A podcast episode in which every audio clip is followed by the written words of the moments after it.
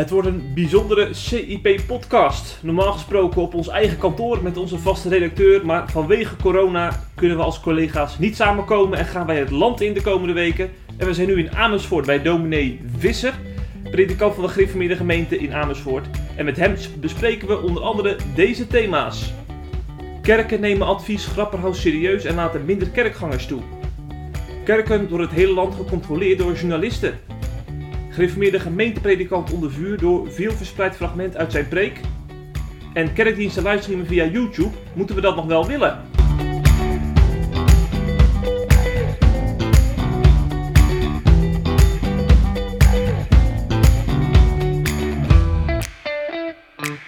Dominee Visser, van harte welkom in de podcast. Dankjewel Jeffrey. Het is uh, niet de eerste keer dat ik hier mag zijn. Ik heb u denk ik een stuk of drie, vier keer eerder bezocht namens CIP. Toen hebben we schriftelijke interviews gedaan hè, over uh, uw leven als dominee onder andere. De aanleiding van een jubileum. Klopt. Nu zitten we hier om een andere reden, namelijk het nieuws dat we willen bespreken. En uh, gek genoeg, per toeval eigenlijk, is uw kerk ook in het nieuws gekomen. Door een collega, maar ook natuurlijk door de maatregelen van Grapperhaus. Dus u bent uitge een, toch wel een, een, een van de uh, gasten die ik het liefst in deze podcast zou willen hebben. Want u zit dicht bij het vuur, zo, zo gezegd. Hè? Namens, namens de gereformeerde gemeente in dit geval. En uh, ik wil allereerst even beginnen bij uzelf. Want ik denk, omdat u toch voor het eerst in de podcast bent, is het goed voor de luisteraars om te weten wie u bent. Uh, u bent dus predikant, maar veel mensen vergeten dat predikanten ook nog uh, soms gewone mensen zijn. Die ook nog echt een dagelijks leven leiden. He, vaak zien we dominees alleen maar op een kansel om te preken en te bidden. Maar ondertussen zijn er ook nog zes andere dagen in de week waarin je ook actief bent. En dat werd heel goed weergegeven, vond ik, in een vlog van Punt Uit. Een reformatorisch jongerenplatform. Uh, toen, is er een hele vriendelijke vrouw is hier uh, bij u thuis geweest om u te interviewen. En dat is te zien op YouTube. Meer dan 70.000 keer bekeken. En wij laten even een fragmentje in de podcast horen, zodat de luisteraars er ook een indruk van hebben. Ik ben vijf jaar geleden mijn vrouw overleden, dus ik ben weduwnaar. Dus naast dat ik een ambt heb, heb ik ook nog mijn uh, werk als huisman. Nu gaan we de overhemden even uithangen. En hoe gaat dat u af, het huishouden? Ja, nou, ik moet ik zeggen, het is wel intensief, maar ik vind het ook niet uh, altijd uh, vervelend. Dus u dan krijg je ook wat meer waardering voor het werk van een huisvrouw. Ja. Voor je vrouw, wat ze altijd al die jaren heeft gedaan. En dan denk je wel eens nu achteraf, kom ik dat er maar vertellen. Niet meer. Want hoe kijkt u zelf terug op die periode? Welke? Dat uw vrouw ziek was?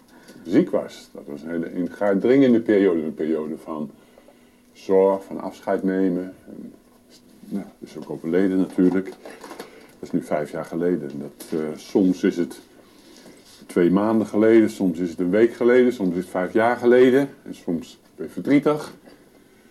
En het moeilijkste moment is meestal zondagavond, als je drie beurten hebt gedaan en dan kom je thuis. En dan is het klankbord er niet, hè? dan is je vrouw er niet meer. Ja. ja. Ervaart u het dan als een zegen om een gemeente om u heen te hebben? Jazeker, dus dat is heel fijn dat er heel veel mensen zijn die je helpen en willen helpen. En dat doen en dat ze ook heel belangeloos doen. Ja. Nou, we hebben gelijk een indruk van u gekregen, dominee. En in die vlog vertelde u dus over uh, uw leven als huisman. Want uh, dat, dat is natuurlijk wel uh, veranderd de afgelopen jaren. Want u heeft uw vrouw helaas verloren door ziekte. En sindsdien is het natuurlijk het leven wat intensiever geworden. Komt veel meer op uzelf neer. Ja. En nu zitten we ook nog in coronatijd. is, is dat dan nog moeilijker, zeg maar, om, om alleen te zijn? Er zijn dingen in het leven die je wel weet met je hoofd, maar die je persoonlijk moet beleven. Want dan weet je pas wat het echt is. Dat is onder andere het verlies van een kind, of van je man of van je vrouw. Dat zijn dingen waarover je boeken kunt lezen, dat zijn dingen waarover je andere mensen hoort, maar je weet pas wat het is als je het zelf meemaakt. Dus de ervaring maakt ons op dit punt wijs. Nou, dat heb ik nu. Vijf en half jaar geleden is mijn vrouw overleden. En ja, dat, dat neem je gewoon mee in je dagelijkse dingen. In het preken, in het nadenken. Dat, dat stempt, zet gewoon een enorm stempel op je leven. We hebben wij zijn bijna 30 jaar getrouwd geweest. We hebben zeven kinderen gekregen. Mijn vrouw was een, eh, ja, we een goed huwelijk gehad, een gezegend huwelijk. En de Heer heeft haar thuis gehaald. En dat is voor haar niet erg, voor ons wel. Je hebt toch kom je daarna in een ja, leegte terecht.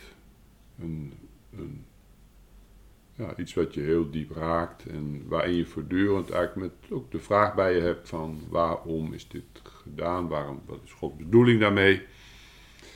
En ondertussen gaat het leven verder en heb je je preken, je gezin. Ik had nog vier kinderen thuis, die moesten ook verder. En ja, het leven van alle dag gaat ook weer verder. En dat eh, moet wel geleefd worden. Zeker, zeker. Ja. En daarin zijn ook weer allerlei dingen die aandacht vragen. De prediking van de zondag. Want u preekt drie keer op één zondag, toch? eh, regelmatig preek drie keer op een zondag. Twee keer in de eigen gemeente, één keer elders. In een consulentgemeente. Ja, regelmatig. Afgelopen zondag heb ik één, drie, twee keer gepreekt. Want toen was mijn oudste dochter thuis. Die is gehandicapt. Die zit in een, in, in een voorziening. Die is nu eh, 34 jaar.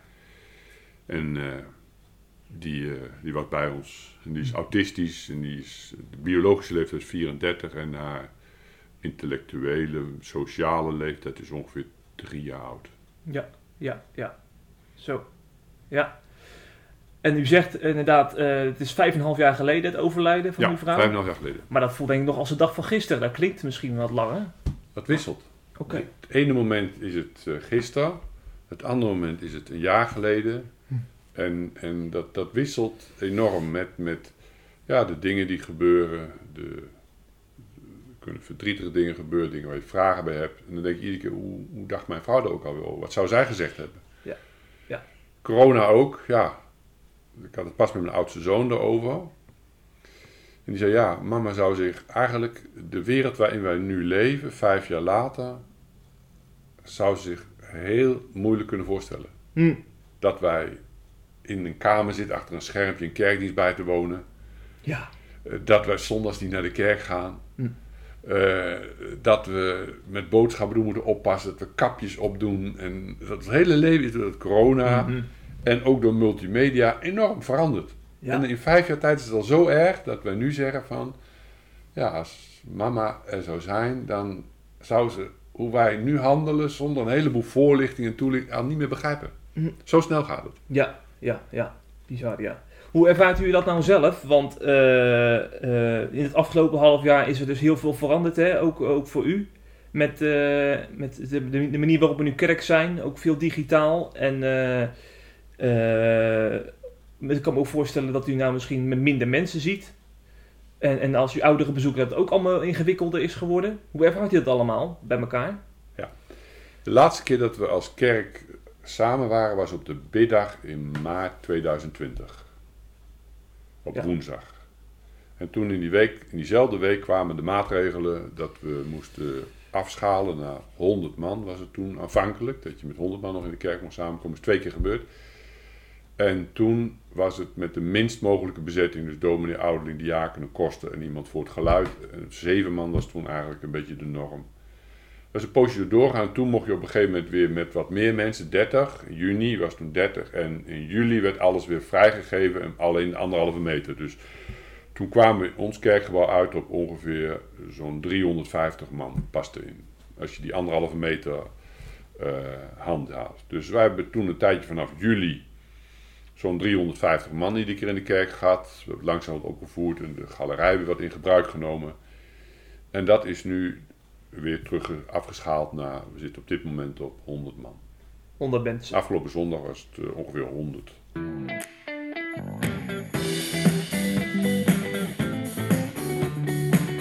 Het laatste nieuws uit Christelijk Nederland bespreken we in de CIP-podcast.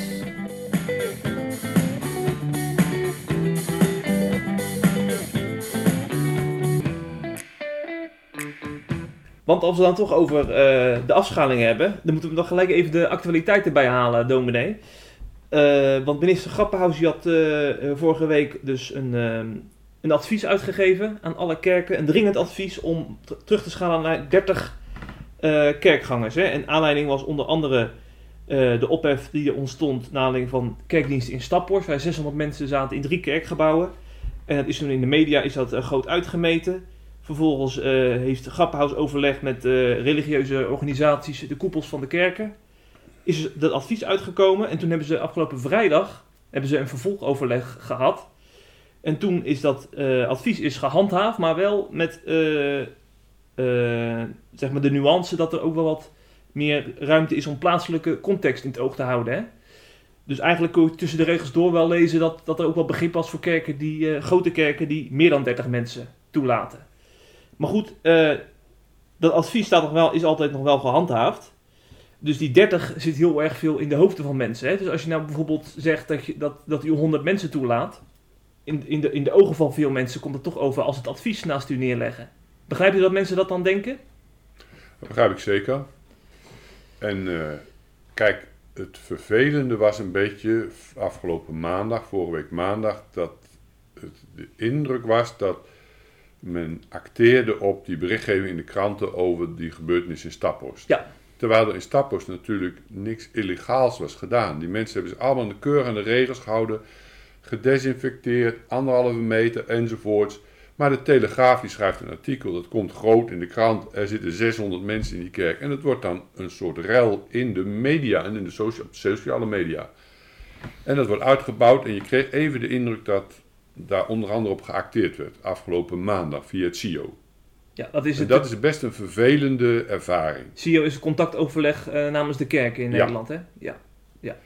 En dat komt best vervelend over. Later is dat ook toegelicht, en dat zie je nu ook, dat die gebeurtenis in Stappers en dat, dat, dat gedoe in de krant, dat was hooguit een, een trigger, maar dat was niet de oorzaak. De oorzaak was dat die besmettingen enorm opliepen. Ja. Ja. En daarop heeft het minister van Justitie geacteerd. En daarop acteert het kabinet ook. Eh, Mhm. Die besmettingen lopen op en het aantal mensen in de ziekenhuizen lopen op. Hè, dat is allemaal zieke mensen, coronapatiënten in de ziekenhuizen. En daar hebben ze nog verder toegelicht. En in dat verband hebben ze het dringende advies gegeven om eh, af te schalen met het aantal eh, kerkgangers. Ja, ja, ja. Naar 30, af te schalen naar 30. En, eh, maar er was wel enige ruimte, dat, je mocht dat in de context van het kerkgebouw bekijken. Ja, ja. dat werd in het vervolgoverleg toegevoegd dat er, eh, Ja. dat een maatwerk mogelijk is. Ja. ja, ja. En daar is natuurlijk ook massaal gehoor aan gegeven, ook door uw kerk. Hè. De gereformeerde gemeenten die hebben ook laten weten dat eh, ze adviseren om eh, substantieel terug te schalen. En dan schrijven ze, dit aantal verschilt per omvang van het kerkgebouw en nog de ventilatiemogelijkheden en de plaatselijke situatie. Maar we moeten als kerken nu een duidelijke stap zetten in het hartelijke uitzien dat in de toekomst er weer verruiming mogelijk zal zijn. Kortom, de gereformeerde gemeente neemt het advies serieus en kiezen dus ook voor maatwerk. Ja. Wat u ook in Amersfoort heeft eh, Dat hebben we gedaan. afgelopen eh, zondag ook gedaan. We hebben drie dingen gedaan. Eén, we zaten op ongeveer 350 en we hebben afgeschaald naar ongeveer 30 gezinnen. Plus de kinderen, dus er kwam op ongeveer 100 uit. Tweede plaats hebben we niet gezongen. Het orgel speelde en de mensen konden meeneurien. En in de derde plaats hebben we de geleden verzocht om van de auto naar hun zitplaats een mondkapje op te zetten. Oké, ja, ja. Dus alles wat Schappenhuis gevraagd heeft, hebben we eigenlijk gedaan hier in Amersfoort, in de gemeente van Amersfoort. Alleen die 30, dat hebben wij gezegd, nou 30 eenheden en dan eh, een eenheid, eh, gezin, vader, moeder en een paar kinderen. Ja, ja. Oké. Ehm, ik wil even een fragmentje laten horen van een collega-predikant, dominee Uitslag uit Urk van de Christelijk Gereformeerde Kerk. Hij werd geïnterviewd door Omroep Flevoland en eh, vertelde het volgende. We hebben een heel groot eh, kerkgebouw waar eh, gemiddeld zo'n duizend mensen in kunnen. Waar we sinds de coronamaatregelen vanaf juli weer in kunnen met zo'n 300 mensen, 325. En we hopen dat terug te draaien met een kwart. Dus dat betekent dat er vanaf morgen zo'n 225 mensen in de kerk kunnen. En wat heeft u doen besluiten om eh, toch niet u te houden aan de richtlijn van 30 mensen voor de dienst van morgen? Het is ten eerste een advies, zoals er ook een mondkapjesadvies is, uitgebracht door de overheid en ook geen mondkapjesplicht. Het is echt een advies waarin je als eh, kerkraad een eigen zelfstandige afweging eh, kunt maken. En wij hebben een aantal argumenten daarvoor. Ehm, in de eerste plaats volgen wij de RIVM-richtlijnen. Uh, en dat is ook de wettelijke lijn die je hebt ook te volgen. Tegelijkertijd zien we op Urk dat de besmettingsgraad laag is, dat het aantal ziekenhuisopnames uh, verwaarloosbaar is op Urk. Het gaat om een lokaal gebeurende kerkdienst, dus dat betekent ook dat je weinig uh, bewegingen hebt. Uh, waardoor je dus ook kunt zeggen van ook dat levert geen uh, gevaar op. En we zien ook om ons heen, ook in de eigen regio Flevoland, dat er ook culturele instellingen zijn die ontheffing hebben gekregen voor bijvoorbeeld wel uh, 250. dus in die zin is dat voor u uw eigen afweging geweest met dit is wat het advies zegt en dit is wat mijn gemeente nodig heeft. En uw conclusie is dan met 200 man een kerkdienst doen, dat is verantwoord en belangrijk en dat gaan we doen. Ja, met 200 tot 250 man inderdaad. Ja. En uh, nou zullen er ook mensen zijn die zeggen, uh, wij vinden dat advies is er niet voor niets. Het is onverantwoord om met meer dan 30 uh, man in een één gebouw te zijn. Hoe kijkt u daar tegenaan? Ja, daar wordt nu heel sterk op ingezoomd. Uh, ik vraag me wel af of dat reëel is. de vliegtuigen zitten ook nog steeds vol met ook 200 mensen in een wel hele kleine ruimte. er is blijkbaar ook de mogelijkheid om voor culturele instellingen ontheffing ook te krijgen. En dus blijkbaar uh, is dus zelfs van overheidswegen uh, geven ze ook ruimte aan uh, instellingen om dus meer mensen te gaan ontvangen. En u zegt die ruimte mogen wij dus ook gewoon nemen, want het is een vrijblijvend advies. Het is een vrijblijvend advies. Daarnaast ligt nog eens, en dat is, maakt de positie van de kerk ook echt anders dan een uh, theater bijvoorbeeld. Uh, de grondwet geeft ook ruimte voor uh, mensen om in gezamenlijkheid hun uh, geloof ook te gaan uh, beleiden. En uh, die ruimte moet je heel voorzichtig zijn om die in te perken. Nou, dit is een fragment uit een wat langer interview. We hoorden hem dus vertellen dat hij ook de keuze heeft gemaakt om niet terug te schalen naar 30, maar ook rekening te houden met zijn kerkgebouw. Hij heeft ook best wel een grote kerk op Urk. En ook daar komt nu ongeveer een kwart. Dat is in de meeste kerken. Hè, in de, kom, komt er een kwart ongeveer nou in de kerk. En bij hem is dat dan, zijn dat 225 kerkgangers. Nou, die journalist is dan natuurlijk heel kritisch. Maar die uitslag zegt dan vervolgens: uh, vliegtuigen zitten vol met 200 mensen in een nog kleinere ruimte dan in de kerk. En ook culturele instellingen hebben de mogelijkheid om een onthef, ontheffing te krijgen. Hè. Dat hebben we vorige week ook bijvoorbeeld gehoord van de Brabanthallen. Daar kunnen 600 mensen in. Die hebben een ontheffing gekregen. Maar bijvoorbeeld ook in Sint-Jan in Gouda. Daar kunnen voor een culturele avond kunnen 250 mensen. En dan op zondag zijn er opeens maar 30 mensen welkom. Begrijpt u deze reactie van uitslag? Ik begrijp de uitspraak van collega Uitslag wel. Ik kan daar ook wel een, een, een heel stuk in meekomen. Alhoewel, we moeten natuurlijk oppassen. Virologie is een bepaalde wetenschap. Mm-hmm. En ik ben geen viroloog, ik ben ook geen epidemioloog, ik ben ook geen immunoloog. Ik heb daar geen verstand van. Hm. Daar zijn deskundigen en die geven een advies. En Ja. die zeggen, met grote groepen bij elkaar komen is niet verstandig. Nou, ik heb niet virologie gestudeerd. En ik heb ook niet gestudeerd hoe, hoe virussen zich verspreiden. Die mensen wel. En die geven vanuit hun deskundigheid een advies aan de regering. En de regering vult dat in. En die zegt, nou ja, goed kerken, jullie doen er verstandig aan om niet te veel mensen in jullie gebouw toe te laten. Want anders bevorder je het virus. En krijg je zieke mensen. En ook vanavond, dan komt er weer een persconferentie van Rutte en de jonge minister-president en de minister Volksgezondheid. En die geven vanuit de deskundigheid die er in ons land is, geven ze een advies van doe dit nou wel, doe dat nou niet. En we moeten niet denken dat wij met onze inzichten eh, dat nou beter weten, want wij zijn geen virologen. Ik het niet tenminste. Ik heb geen behoefte om mij als deskundige op dit terrein op te werpen. Hè? En dat is ook de irritatie die ik heb bij mensen van viruswaanzin en weet ik wat allemaal meer. Die doen net alsof ze het allemaal weten, terwijl er een leger aan deskundigen is die zeggen, dit klopt niet. Mhm. Hè? We moeten, social distancing is het antwoord op de virus. Het ligt in ons gedrag. Ja. Maar goed, het punt is natuurlijk wel dat ook... eh, Dan alle- zijn er vervolgens Ja. een aantal dingen in dat beleid. Er zijn een aantal inconsistenties. Hè? Vliegtuigen werd genoemd, theater werd genoemd enzovoort. En dat is natuurlijk reuze pijnlijk dat je dat signaleert. En dat is ook heel erg vervelend. Maar die mensen lopen dan, dat is hun keuze. Dat heeft de regering heeft er om hun bekende reden die keuze gemaakt. Aan ons als kerk wordt gevraagd van, wilt u zich conformeren? Wilt u zich daaraan houden? Want het is vanuit virologisch oogpunt het beste, het meest Ja. verstandige. Mhm. Ja. Nou, Maar het probleem is natuurlijk dat getal van die 30, want eh, dat, dat getal, door dat getal wordt zo'n uitslag natuurlijk kritisch bevraagd, die dan 225 mensen toelaat, omdat dat gebouw het toevallig eh, toelaat, omdat hij een groot kerkgebouw heeft. Hij wordt dan wel gezien als iemand die eh, dat advies niet serieus neemt, terwijl die juist, net als u, naar, naar maatwerk kijkt.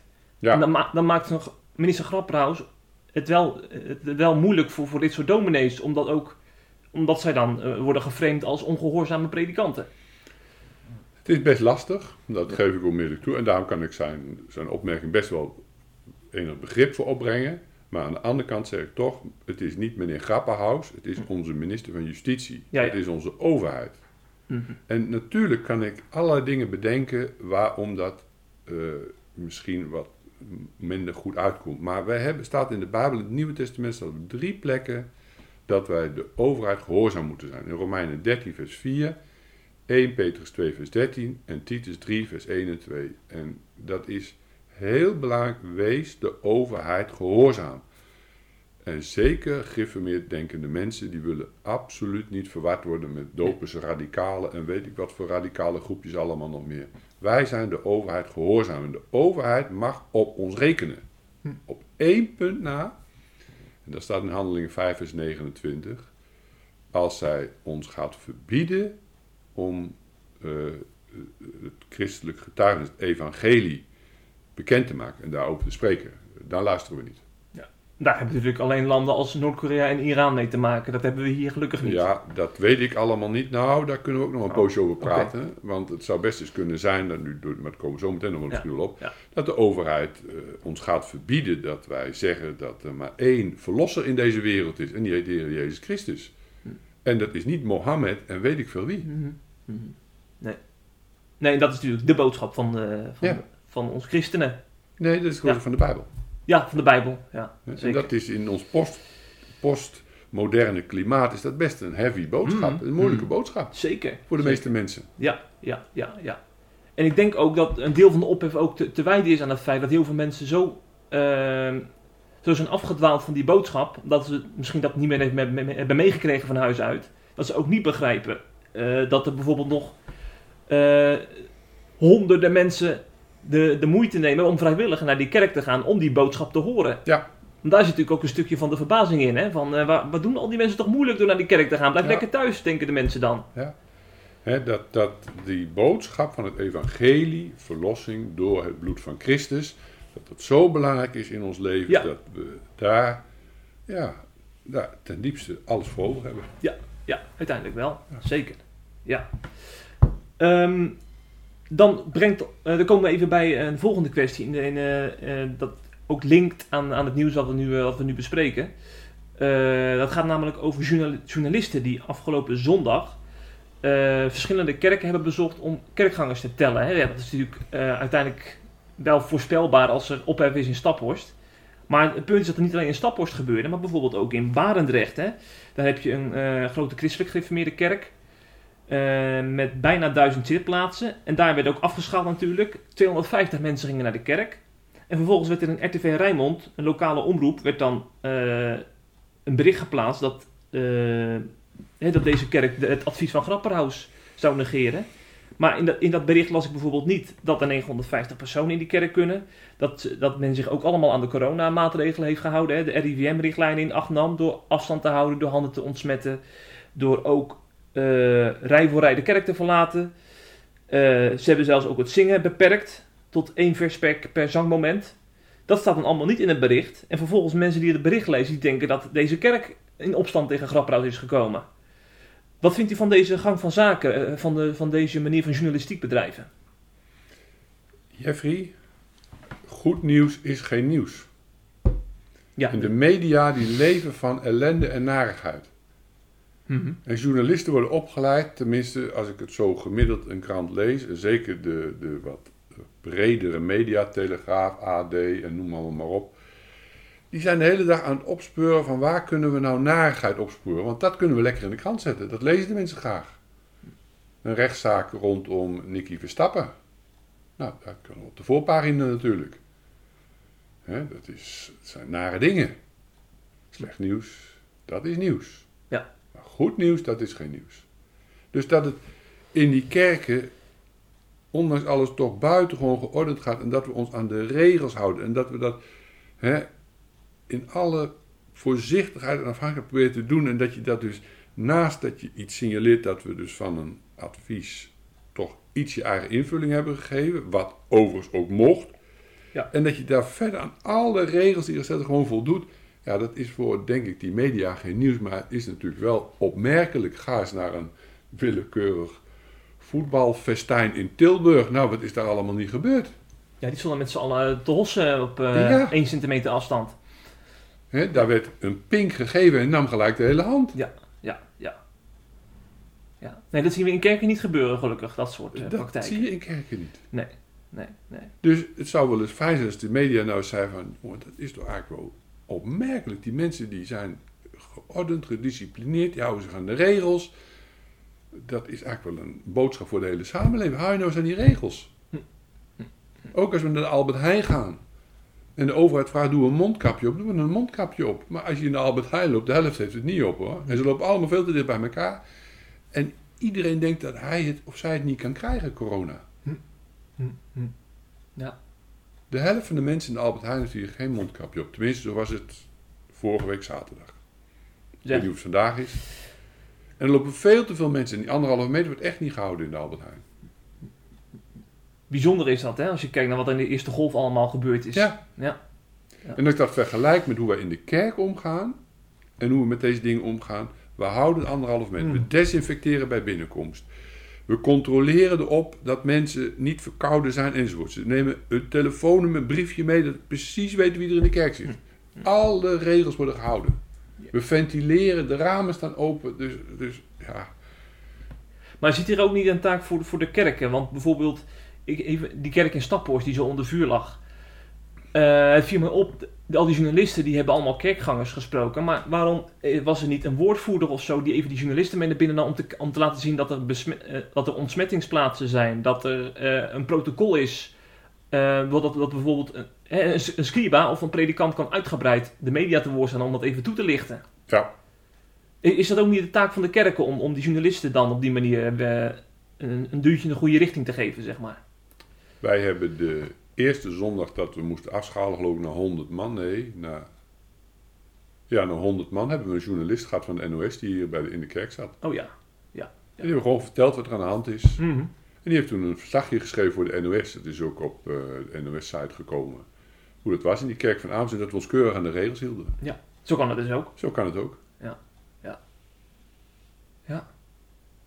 En we krijgen ook regelmatig een bezoek van BOA's en van de politie. En dan rijden we om de kerk heen of het allemaal volgens de regels gaat. En of we niet rare dingen doen. En dan, die BOA's kunnen gewoon kijken. En dan krijgen ze de lijst van de mensen. Dus de briefjes mogen ze even zien dat we het allemaal bijhouden. Nou, Mhm. prima. Ja. Ja. Ja. Dus journalisten en, en mensen, wij proberen ze aan te spreken. De koster heeft daar inmiddels eh buitengewoon goed werk in verricht. Die kent ook de BOA's, die kent de mensen bij de gemeente die daar werken. En als er een journalist is, dan wordt hij te woord gestaan en dan krijgt hij antwoorden op zijn vragen die hij stelt. Open houding, geen geheimzinnigheid. Ja, ja. ja, want als je bijvoorbeeld zegt van geen commentaar, dan, eh, dan gaan ze de journalisten ook denken van, hé, hey, heeft Ja. wat te verbergen? Ja. Dus vandaar dat die open houding heel belangrijk Open is. houding, open houding. Ja, ja, ja. En nou is er deze week eh, waarschijnlijk weer de vervolgoverleg, als het goed is woensdag, eh, tussen de CEO weer hè, en, en Grapperhaus. Eh, op welke uitkomst hoopt u? Want eh, het is niet, natuurlijk niet voor niks als ze weer met elkaar samenkomen. Er is blijkbaar weer een reden om, om wat dingen te bespreken. Jeffrey, jij bent een prima journalist, want je hebt voortdurend over Grappenhaus, terwijl ik het heb over de minister van Justitie. Ja, ja. De Eh, dat, dat, dat, eh, dat verschil maakt hij bewust. Ja, ik ook. Ja, dat maak ik heel bewust. Ja? ja. Ja? Ja, Oké. Het is de minister van Justitie. Ja. Het is het over ons gestelde gezag. Ja. Nog dienares van God. Daarin is hij bezig. Ja. Het is niet meneer Grapperhaus met zijn huwelijk en met die fotootjes die in de krant. Dat, dat, hij is de minister van Justitie. Ja. En hij komt namens de overheid praten over hoe gaan we om met het coronavirus. Mhm. En dit is wat de overheid van jullie vraagt. Ja. Hm. Een gezaghebbende functie. Ja, dat is goed om te weten. Ja, van Gods wegen Ja. notabene. Ja. Gods dienares. Ja, dus onze generatie dat denk ik een beetje kwijtgeraakt, eh dominee. Ja, maar dit, dit, dit is wat in Romeinen 13 staat. Ja, ja, En in E- P- 1 Petrus 2 en Titus 3. ja, ja, ja. Het gekke is, ik noem je elke keer dominee. Ik Ja. noem je nu bij uw voornaam. Dus bij dominees heb ik dat nog wel in mijn hoofd. Maar bij ministers is dat eh, Ja. wel eens even zoek. Ja, ja. Ja. Maar we hebben dus inderdaad over het overleg tussen, mini- tussen de minister van Justitie en dan de eh, CEO, de vertegenwoordigers van de, van Ja. de kerken. Eh, is, is er überhaupt nog aanleiding om nog weer, weer in een overleg te gaan? Want in principe is het nou toch gewoon duidelijk. Maatwerk is mogelijk. Ja, maatregelen is mogelijk, maar de ontwikkelingen, die, nemen, die besmettingen nemen toe. Het aantal Ja. mensen in ziekenhuizen nemen toe. Ja. En ook in onze kerken neemt het aantal besmette mensen toe. Hè, ik, in Amersfoort heb ik op dit moment zes gezinnen waar besmettingen zijn gesignaleerd. Dus dat neemt gewoon toe. En eh, de virologen geven adviezen. En die zeggen van, mensen, we moeten iets doen. We kunnen dit niet zo laten lopen. Anders dan ligt eind november liggen er 5.000, 6.000 mensen met covid in het ziekenhuis. Dus die minister die, die moet acteren op nieuwe en extra informatie. De maatregelen die ze oorspronkelijk hebben genomen hebben geen gewenst effect gehad. Ja. Het aantal besmettingen neemt door. De toenemend beslag op de ziekenhuizen neemt door. Dus zo'n minister die komt met meer informatie, gewoon feitelijke informatie. Niet dus allerlei rumoer in de samenleving, allerlei rumoer in kranten. Nee, die komt met feiten. Die zegt, mensen, dit is aan de hand en dit kunnen wij, moeten wij proberen om te buigen. Wij zeggen dan biddend en dat de Heer ons helpt. Maar ook, ora et labora, hè, bid en werk. Dat we ook doen de dingen die we daarvoor moeten doen. En dat is social distancing. En hoe geven we dat nu in onze samenleving? En hoe geven we dat nu als kerk, hand en voet? En dan komt hij met een advies en dan gaat hij gedachten uitwisselen. En dan komt zo'n CEO ook met een advies en daar ga je dan over nadenken. Ja. Dus je moet dat gewoon per week een beetje bijhouden. Ja, ja, ja. Dus het zou goed kunnen dat, eh, dat we volgende week eh, niet met 100 mensen in de gereformeerde gemeente in Amersfoort zitten, maar met 30 mensen. Als het zo blijft oplopen. Als, als wij aan het eind van de week met 20.000 besmettingen zitten per dag, dan weet iedereen wat er gaat Ja. gebeuren. Ja, ja, ja. Hoef je echt geen profeet voor te zijn. Zeker. Ja. ja. Maar dat is toch wel, wel heftig. Want ik weet niet, hoe, hoe groot is uw kerk in totaal? Aantal leden? Onze gemeente is 1400 leden doopleden. Ja, ja. Stel je nou voor dat, eh, dat er eh, maar 30 kerkgangers welkom zijn. Dan, dan kun je in principe maar één keer, per maand naar de, één keer per maand naar de kerk, volgens mij dan, als, als kerklid. Nee, bij 30 zouden dus, eh, en er komen van die 1400 zitten ongeveer meestal met zo'n 1100 mensen in de kerk. Dus dan, eh, ja, dan kom je heel weinig keren, Ja. eh, nee, niet eens één keer per maand. Nee, minder nog. Ja. Ja, ja, ja. Ja, en nou hebben we gelukkig natuurlijk wel de livestream. Hè, want jullie zitten ook op YouTube als gemeente. Ja. Maar goed, dat is natuurlijk geen plaatsvervangend middel uiteindelijk. Nee, nee, nee, nee. Want dan, kijk, je hebt dan twee diensten op een zondag en dan kunnen 60 mensen, dus je hebt voor één zondag 60. Dus nou ja, dan kun je dus één keer in de 12 zondagen naar de kerk, Ja, ja. één keer in de drie maanden. Dat is voor veel mensen een ramp, hè? Als ze daaraan moeten Ja, denken. zeker. Maar goed, soms eh, breekt noodzaak wet. En we gaan zien of dat ook in dit geval eh, zo is. Ja, toen in Zeeland de dijken braken in 1953 op zaterdagavond, toen Ja. zaten de mensen stonden ook niet gewoon in hun kerk. De kerk was weg, het water stond er tegen de kerk aan. Ja, ja, ja. Ook een ramp, maar toen Ja. een zichtbare ramp. Ja, nu is het ook een ramp. Het is een ramp, dit. Mm. Een pandemie heet dat. Een wereldwijde ontwikkeling die zich Ja. voltrekt. Ja, ja, maar goed dat u dat zegt, want ik heb, ik heb het idee dat dat nog niet in veel hoofden zit, dat, het, dat we echt met een ramp te maken hebben in dit land. Dus Afgelopen zomer gingen mensen gewoon nog naar Spanje en Frankrijk hoor, met, het, met een ja, koffietje. Ja, en dat is achteraf natuurlijk wel de vraag of dat nou maar verstandig is geweest. Ja.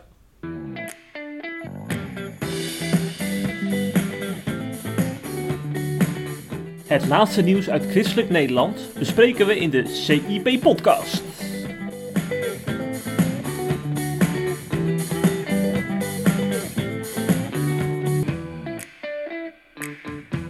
Ik stel voor dat we naar het volgende nieuwsbericht gaan. En dat nieuwsbericht heeft ook te maken met eh, waar we het net over hadden, dominee. Want eh naar aanleiding van alle ophef rondom eh Staphorst... werd er een preekfragment geselecteerd van een collega-predikant van u, dominee Huizer uit Sliedrecht.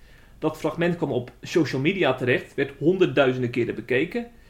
En eh, omdat er geen context bij dat fragment was, werd het ook eh, uitgelicht alsof eh, deze predikant zijn gemeente opriep om de maatregelen niet te houden. En zo kwam het bij veel mensen over.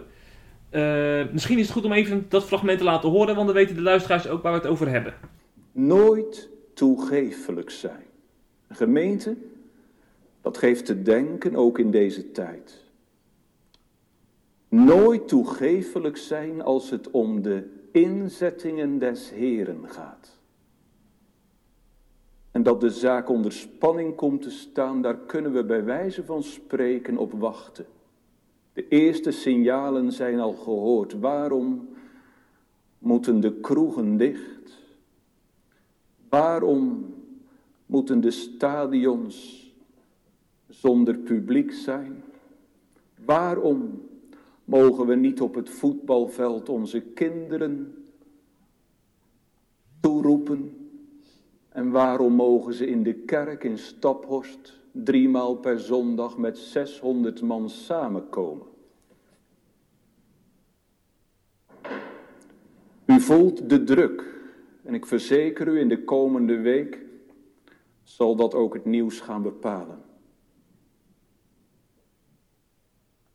Dat een kerkgebouw, en ik weet daar vanzelf niet over uit, als Staphorst normaal gesproken 2300 mensen bergen kan, en nu mondjesmaat 600 mensen een plaats geeft, schijnt volledig buiten beeld te zijn. En weet u wat het pleidooi gaat worden? Ik geef het u vast mee, dan bent u erop voorbereid. Wij moeten solidair zijn met de wereld. Laten wij als christenen nu solidair zijn. Ja, waarmee eigenlijk? Met de voetbal, met stadion, met de kroeg, met theater. Laten we dan ons voegen en daarin het voorbeeld geven en zeggen: zij mogen het niet, wij doen het niet. Gemeente, ik hoop dat u aanvoelt dat dat onverantwoord zou wezen. U zegt misschien is het wel een getuigenis naar de wereld toe. Zou het? We hebben al zoveel verkwanseld als het om Gods inzettingen gaat. Moet dit dan ook nog opgeofferd worden op het altaar van de multiculturele samenleving? Dus begrijpt u nou dat er uh, op social media uh, rumoer is ontstaan aanleiding van deze uitspraken van dominee Huizer? In de eerste plaats moet ik zeggen dat uh, er is geknipt, hè? Ja, zeker. Dat was maar een kort fragmentje. Want nadat hij dat gezegd heeft, heeft hij ook gezegd van, maar we moeten wel onze handen wassen enzovoort. Dus ja. wat onze minister-president zegt, dat we daar ons ook aan houden. Mm -hmm. Dat stond er ook, dat heeft hij ook gewoon gezegd. Dus het nadeel van zo'n zo'n stukje op internet is, dat wordt geknipt en geselecteerd. En dat roept dan de verontwaardiging op. En dat is natuurlijk weer schitterend voor de journalistiek en voor de media, want die zoeken ellende en niet het goede. Narigheid is nieuws. Dus als je een beetje selecteert, ja, dan gaat dat. In de tweede plaats worden we ons langzamerhand bewust, en dat is natuurlijk over ons gekomen een beetje, uh, dat wij via die multimedia dus niet alleen onze kerk, maar de hele wereld als parochie hebben. Ja, ja, ja. En dat er naast onze eigen kerkgangers nog duizenden andere mensen mee kunnen luisteren. Dat heeft aan de ene kant een mooi effect. Want uh, die boodschap wordt dus andere gehoord. Maar het heeft aan de andere kant natuurlijk ook een effect die we even moet rekening houden. met bij komt het aan en hoe komt het aan? Hm. Hm. Hè, en er is dus een enorme stroomversnelling opgetreden door die coronamaatregelen. Dat wat wij een jaar geleden nog niet hadden kunnen denken, ik ook niet. Dat je met dat je diensten gaat uitzenden via YouTube. Ja. En Ja. dat iedereen daarnaar kan kijken, dat hadden we een jaar geleden echt niet bedacht. Nee. En opeens door zo'n crisis is dat realiteit geworden. Klopt. En nu zit je een beetje van hoe ga je daarmee om? Wat, wat zijn daar de positieve, wat zijn daar de negatieve dingen van? En hoe moet je dat hanteren? Mhm. Daar kom je nu een beetje achter. Ja, ja, ja. Want ze hadden ook hier ook, ook bij deze preek op 4 oktober. Uh, dominee Huizen was in Ridderkerk Slikkerveer volgens mij om die preek te doen. En daar is het ook gebruikelijk dat op YouTube diensten worden opgenomen. Ja. Maar Huis- Huizen zei achteraf dat hij daar niet helemaal van op de hoogte was. Dat het ook op YouTube eh, zou komen. Dus met andere woorden, eh, het is nogal wel bepalend of je dat wel of niet het idee hebt dat je voor de wereld, de hele wereld preekt. Of dat je alleen voor die kerkgangers spreekt. Ja. Dat is wel een verschil.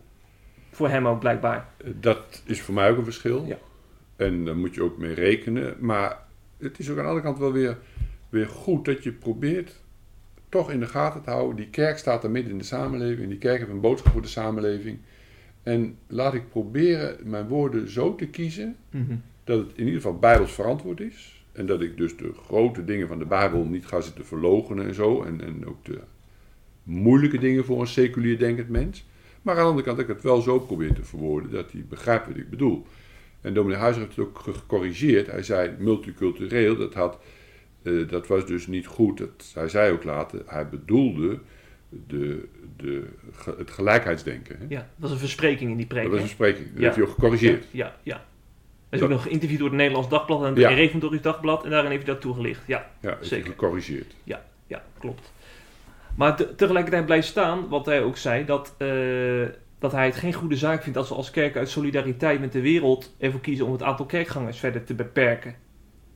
En dat komt natuurlijk op bij veel mensen over van eh, eh, dat, dat kerken, dat zijn kerk niet bereid is om, eh, om in deze crisis solidair te zijn met al die andere instellingen die ook moesten, moesten terugschalen.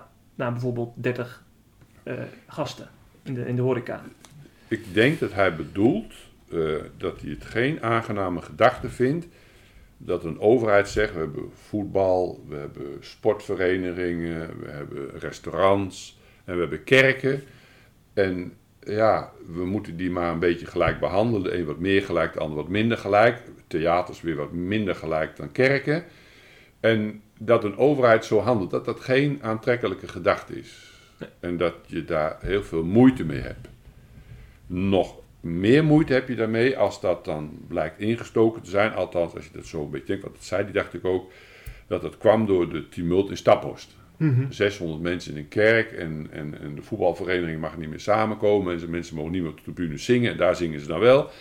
En dat soort dingen, dat er dan een ruil wordt gemaakt. En daar, dat kan ik wel inkomen, dat je daar een soort onrechtvaardigheid proeft. Een soort onbillijkheid. Ja, ja. Neem niet weg, hoe onbillijk ook, dat er in de Bijbel staat dat we aan de overheid gehoorzaam moeten zijn. Ja, wat hij net al inderdaad uitlegde. Ja, Ja, ja zeker. dat blijft staan. Mhm. En hoe moeilijk ik dat ook vind en hoe vervelend dat ook op mij overkomt, de overheid is godsdienares. En in de tijd van Paulus was dat Nero, de Romeinse keizer. En Paulus heeft de gelovigen in Rome en Petrus heeft de gelovigen opgeroepen om gehoorzaam te zijn. Ja. Waarbij we natuurlijk wel ons verstand mogen gebruiken en aan de overheid mogen laten zien van, ja, doen wij nou zulke verkeerde dingen? En mogen we natuurlijk wel in gesprek gaan met de overheid om toch ook onze gerechtvaardigde belangen, ook onze Bijbelse principes, die in de Bijbel staat, Hebreeën 11, dat we de on, of Hebreeën 10, dat we de onderlinge bijeenkomsten niet willen nalaten. Mhm. Dat Ja. het voor ons heel fundamenteel is. Je ziet natuurlijk ook nog een ander aspect aan, want dominee Huizer heeft heel veel gedoe gehad naar aanleiding van dat eh, uit de context gehaalde preekfragment. Hij is eh lastig gevallen, ook via de telefoon bijvoorbeeld, omdat mensen niet eh, de, moeite namen om de hele context te bekijken. En dan vraag ik toch af, in hoeverre is YouTube nou een geschikt middel om een hele dienst online te zetten? Hè? Want als we eerlijk zijn, er worden natuurlijk ook wel best wel gevoelige dingen gezegd in de preek, of, of, of dingen die je alleen kunt eh, begrijpen als je de kerkcultuur of, of de, de Bijbel ook, eh, ook begrijpt. En als buitenstaander kunnen dingen dan heel anders overkomen. Dus in hoeverre is het nou wel verstandig om YouTube in te zetten als middel om daar je preken te uploaden? Wat nu volop ook in de gereformeerde gemeente gebeurt. Is het ook een vraag die u bezighoudt? Ja, wij maken natuurlijk ook gebruik van YouTube hier in de kerk in Amersfoort. Het is wel zo dat wij. eh, je schijnt het zo te kunnen regelen, de technici gaan daarover, dat als de preek voorbij is, is het ook weg. Dan blijft er niet op staan. Dus je kunt geen preek van een maand geleden bijvoorbeeld terugkijken op YouTube. Niet terugkijken, nee. Nee. Wij slaan dat zelf op en dan. Je kunt wel bij ons prekenarchief kijken en dan Ja. staan de preken er gewoon mond niet met beeld en zo erop. Maar je kunt alleen kijken op het moment dat ik preek. Mhm. En als ik klaar ben, zitten de kosten de dingen uit en is er ook gelijk vanaf. Oké, oké. Ja, ja. Want andere kerken kiezen ervoor om ze er wel te laten staan, dat Ja. mensen nog een week later kunnen terugkijken. Oké. Ja, ja. Ja. Alleen tijdens. Dat is een tijdens- bewuste keuze. Ja, bewuste keus. Mm. Ja, bewuste keus. Ik heb dan wel weer ontdekt dat als je tijdens de dienst dat linkje opslaat, dan slaat hij hem op op je computer. En dan kun je hem dus wel weer. Oh ja. En dan houdt je computer hem vast. Maar YouTube houdt dat niet vast. Nee, nee, nee, nee, nee. En waarom heeft deze eh, manier van handelen uw voorkeur? Ehm, toen wij in maart moesten nadenken over eh 30 man en, en de rest via de kerktelefoon, eh, toen hebben we daar een poosje over nagedacht. En toen kwamen we eigenlijk noodgedwongen op dit middel uit. Dat dit eigenlijk voor ons het, het, het meest makkelijke was. De meeste mensen hebben wel een tablet of een smartphone of een computer. Om iedereen eh, te kunnen laten meeluisteren. De eerste keer hebben we het ook nog gedaan zonder beeld. En toen kwam eigenlijk vanuit de gezinnen het verzoek, ook van broeders uit de kerkraad die kinderen hebben, opgroeiende kinderen, van kan het beeld er niet bij? En toen hebben we daar als kerkraad over nagedacht en hebben we besloten van nou, doen het beeld er maar bij. Oh ja. Dat is voor de kinderen, het is toch wel heel anders en het is toch wel taai, merk je ook, voor gezinnen om anderhalf uur te zitten. Bij een kerktelefoon wordt het moeilijk en heb je een beetje beeld, dan wordt het misschien iets makkelijker om eh, daarna te luisteren. Dat heeft ook weer twee ervaringen. Ik hoor dat meer in het land. Oude mensen die al niet meer naar de kerk konden, vinden dit heel fijn. Want het is net alsof ze weer in de kerk zitten. Mensen op het zendingsveld vinden het ook heel fijn. We hebben ook een gezin die woont in een ander land. En die vinden het ook heel fijn, want ze worden er toch wat meer betrokken van wat gebeurt daar. Niet alleen geluid, maar ook beeld. Dus dat is een voordeel voor zendingswerkers die ver weg zitten. Voor oude mensen die naar de kerk kunnen. En die hebben daar ja, ervaring bij dat dat heel aangenaam is voor hen. Gemeente Zeist, eh, er zijn wat meer oudere mensen. En die, ja, die, die gaan daar ook mee verder. En we hebben er verder kerk nog niet over besloten. Maar er zijn dus ook pluspunten dat je dus beeld hebt. Ja. Ja. Ja. Die pluspunten zijn helder, ja. ja. andere kant, en dat zijn de nadelen van ja, je YouTube en er zijn bepaalde eisen en, en bepaalde dingen. Nou, wij hebben er nog verder niet mee te maken gehad. Eh, dat dat eh, dingen hebben verboden bij ons. Ik weet ook niet precies hoe dat ligt, maar het zou best kunnen wat eh collega van de Tang zegt. Ja, zal ik hem even citeren? Want u verwijst inderdaad naar dominee van der Tang, onlangs geïnterviewd in het Revendorf Dagblad. En hij zei onder andere, wie dat platform gebruikt, dus YouTube, stemt in met de voorwaarden ervan. Op grond van die voorwaarden worden er preken verwijderd, bijvoorbeeld omdat het te expliciet over homoseksualiteit wordt gesproken. We onderwerpen ons vrijwillig aan de waarden en normen van internetbedrijven. Hoe naïef zijn we? En bijvoorbeeld, volgens mij in Amerika zijn er een aantal voorbeelden geweest waarbij fragmenten van YouTube werden verwijderd omdat het niet in overeenstemming zou zijn met de, met de waarden en normen van YouTube. Ja. Ja, dat hoor je steeds vaker. Eh, John Piper heeft natuurlijk een boekje over Christus en corona geschreven. Dat Ja. werd ook gewoon afgevoerd, omdat dat, eh, hij Ja. zei er iets in over homoseksualiteit. Wat volgens de Bijbel hoe je daarmee om moet gaan. Dus wel weer teruggezet volgens mij later. Ja, maar goed, die heeft er wel Ja, een probleem mee zeker, gekregen. hè. zeker. En dat, dat kan dus. Ja. Het, ik moet zeggen dat dat best voor mij even een eh, aandachtspunt is, wat Van de Tang zegt.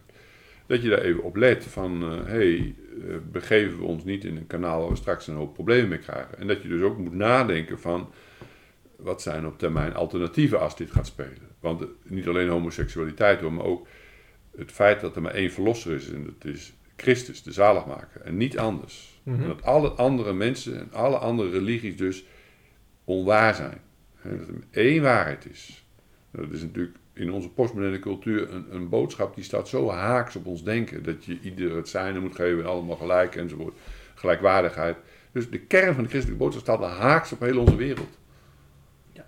Ja. Nou, als je dat gewoon helder neerlegt en helder uitdraagt en beleidt, dan, dan roept dat al problemen. op. Nou, verder kun je natuurlijk op de ethiek. Er zijn natuurlijk ook talloze met de, de, de uniciteit van het gezin. Huwelijk, een relatie van één man, één vrouw. Eh, dat man hoofd van het gezin is. Nou, krijg je nu met die rechter in Amerika, begint dat natuurlijk gedoe weer. Dat is een orthodoxe rooms-katholieke vrouw. Nou, de democraten zitten natuurlijk daar enorm op de havenkist om die vrouw op dat punt af te serveren. Ja. Op bijbelse punten. Kortom, eh, soms is er behoefte aan een alternatief. Eh, ja, we, hebben natuurlijk, we kennen allemaal Netflix. Inmiddels is er een christelijk alternatief genaamd New Faith Network, hè, waar je allemaal christelijke films kunt kijken. Wordt het dan ook niet tijd voor een soort christelijke YouTube, waarbij alle preken kunnen worden geüpload zonder dat er dan gedoe ontstaat? Ik noem maar een, een RevoTube misschien. Ja. Ehm, aan de ene kant, ik ben technisch niet deskundig om dat te kunnen beoordelen. In de tweede plaats, we moeten wel oppassen dat we op een gegeven moment niet voor al onze dingetjes eigen dingetjes gaan organiseren. Daar ben ik niet zo voor. Eh, dat je op een gegeven moment eh, begraafplaatsen voor jezelf gaat organiseren. En dat je, dat, dat, dat, dat is iets, zo lang mogelijk gebruik maken van de algemene dingen. Dat, dat is wel mijn voorkeur. Niet terug naar de verzuiling. Nou ja, de verzuiling heeft voor de school is dat buitengewoon goed. En dat verdedig ik ook. Voor zorg en voor behoeftige mensen en voor mensen die hulp nodig hebben is het buitengewoon aantrekkelijk en goed. Is dat een heel goed idee geweest. Maar je moet het niet breed doortrekken op alle terreinen van het leven. We moeten ook een keer gewoon in deze samenleving staan. Hè?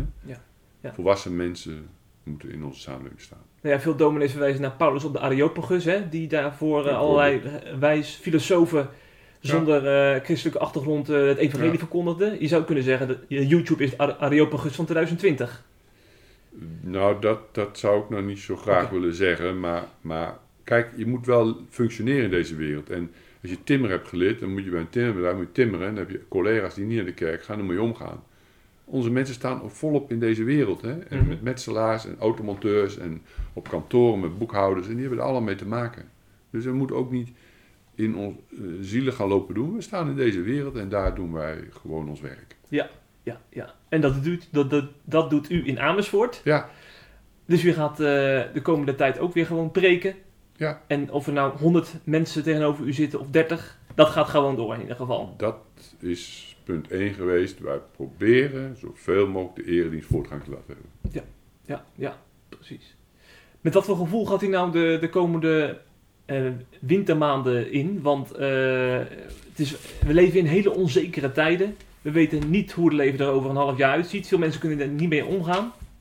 Hoe kijkt u ernaar uit in de komende tijd? Ik lees de laatste tijd regelmatig Daniel 9. Hm.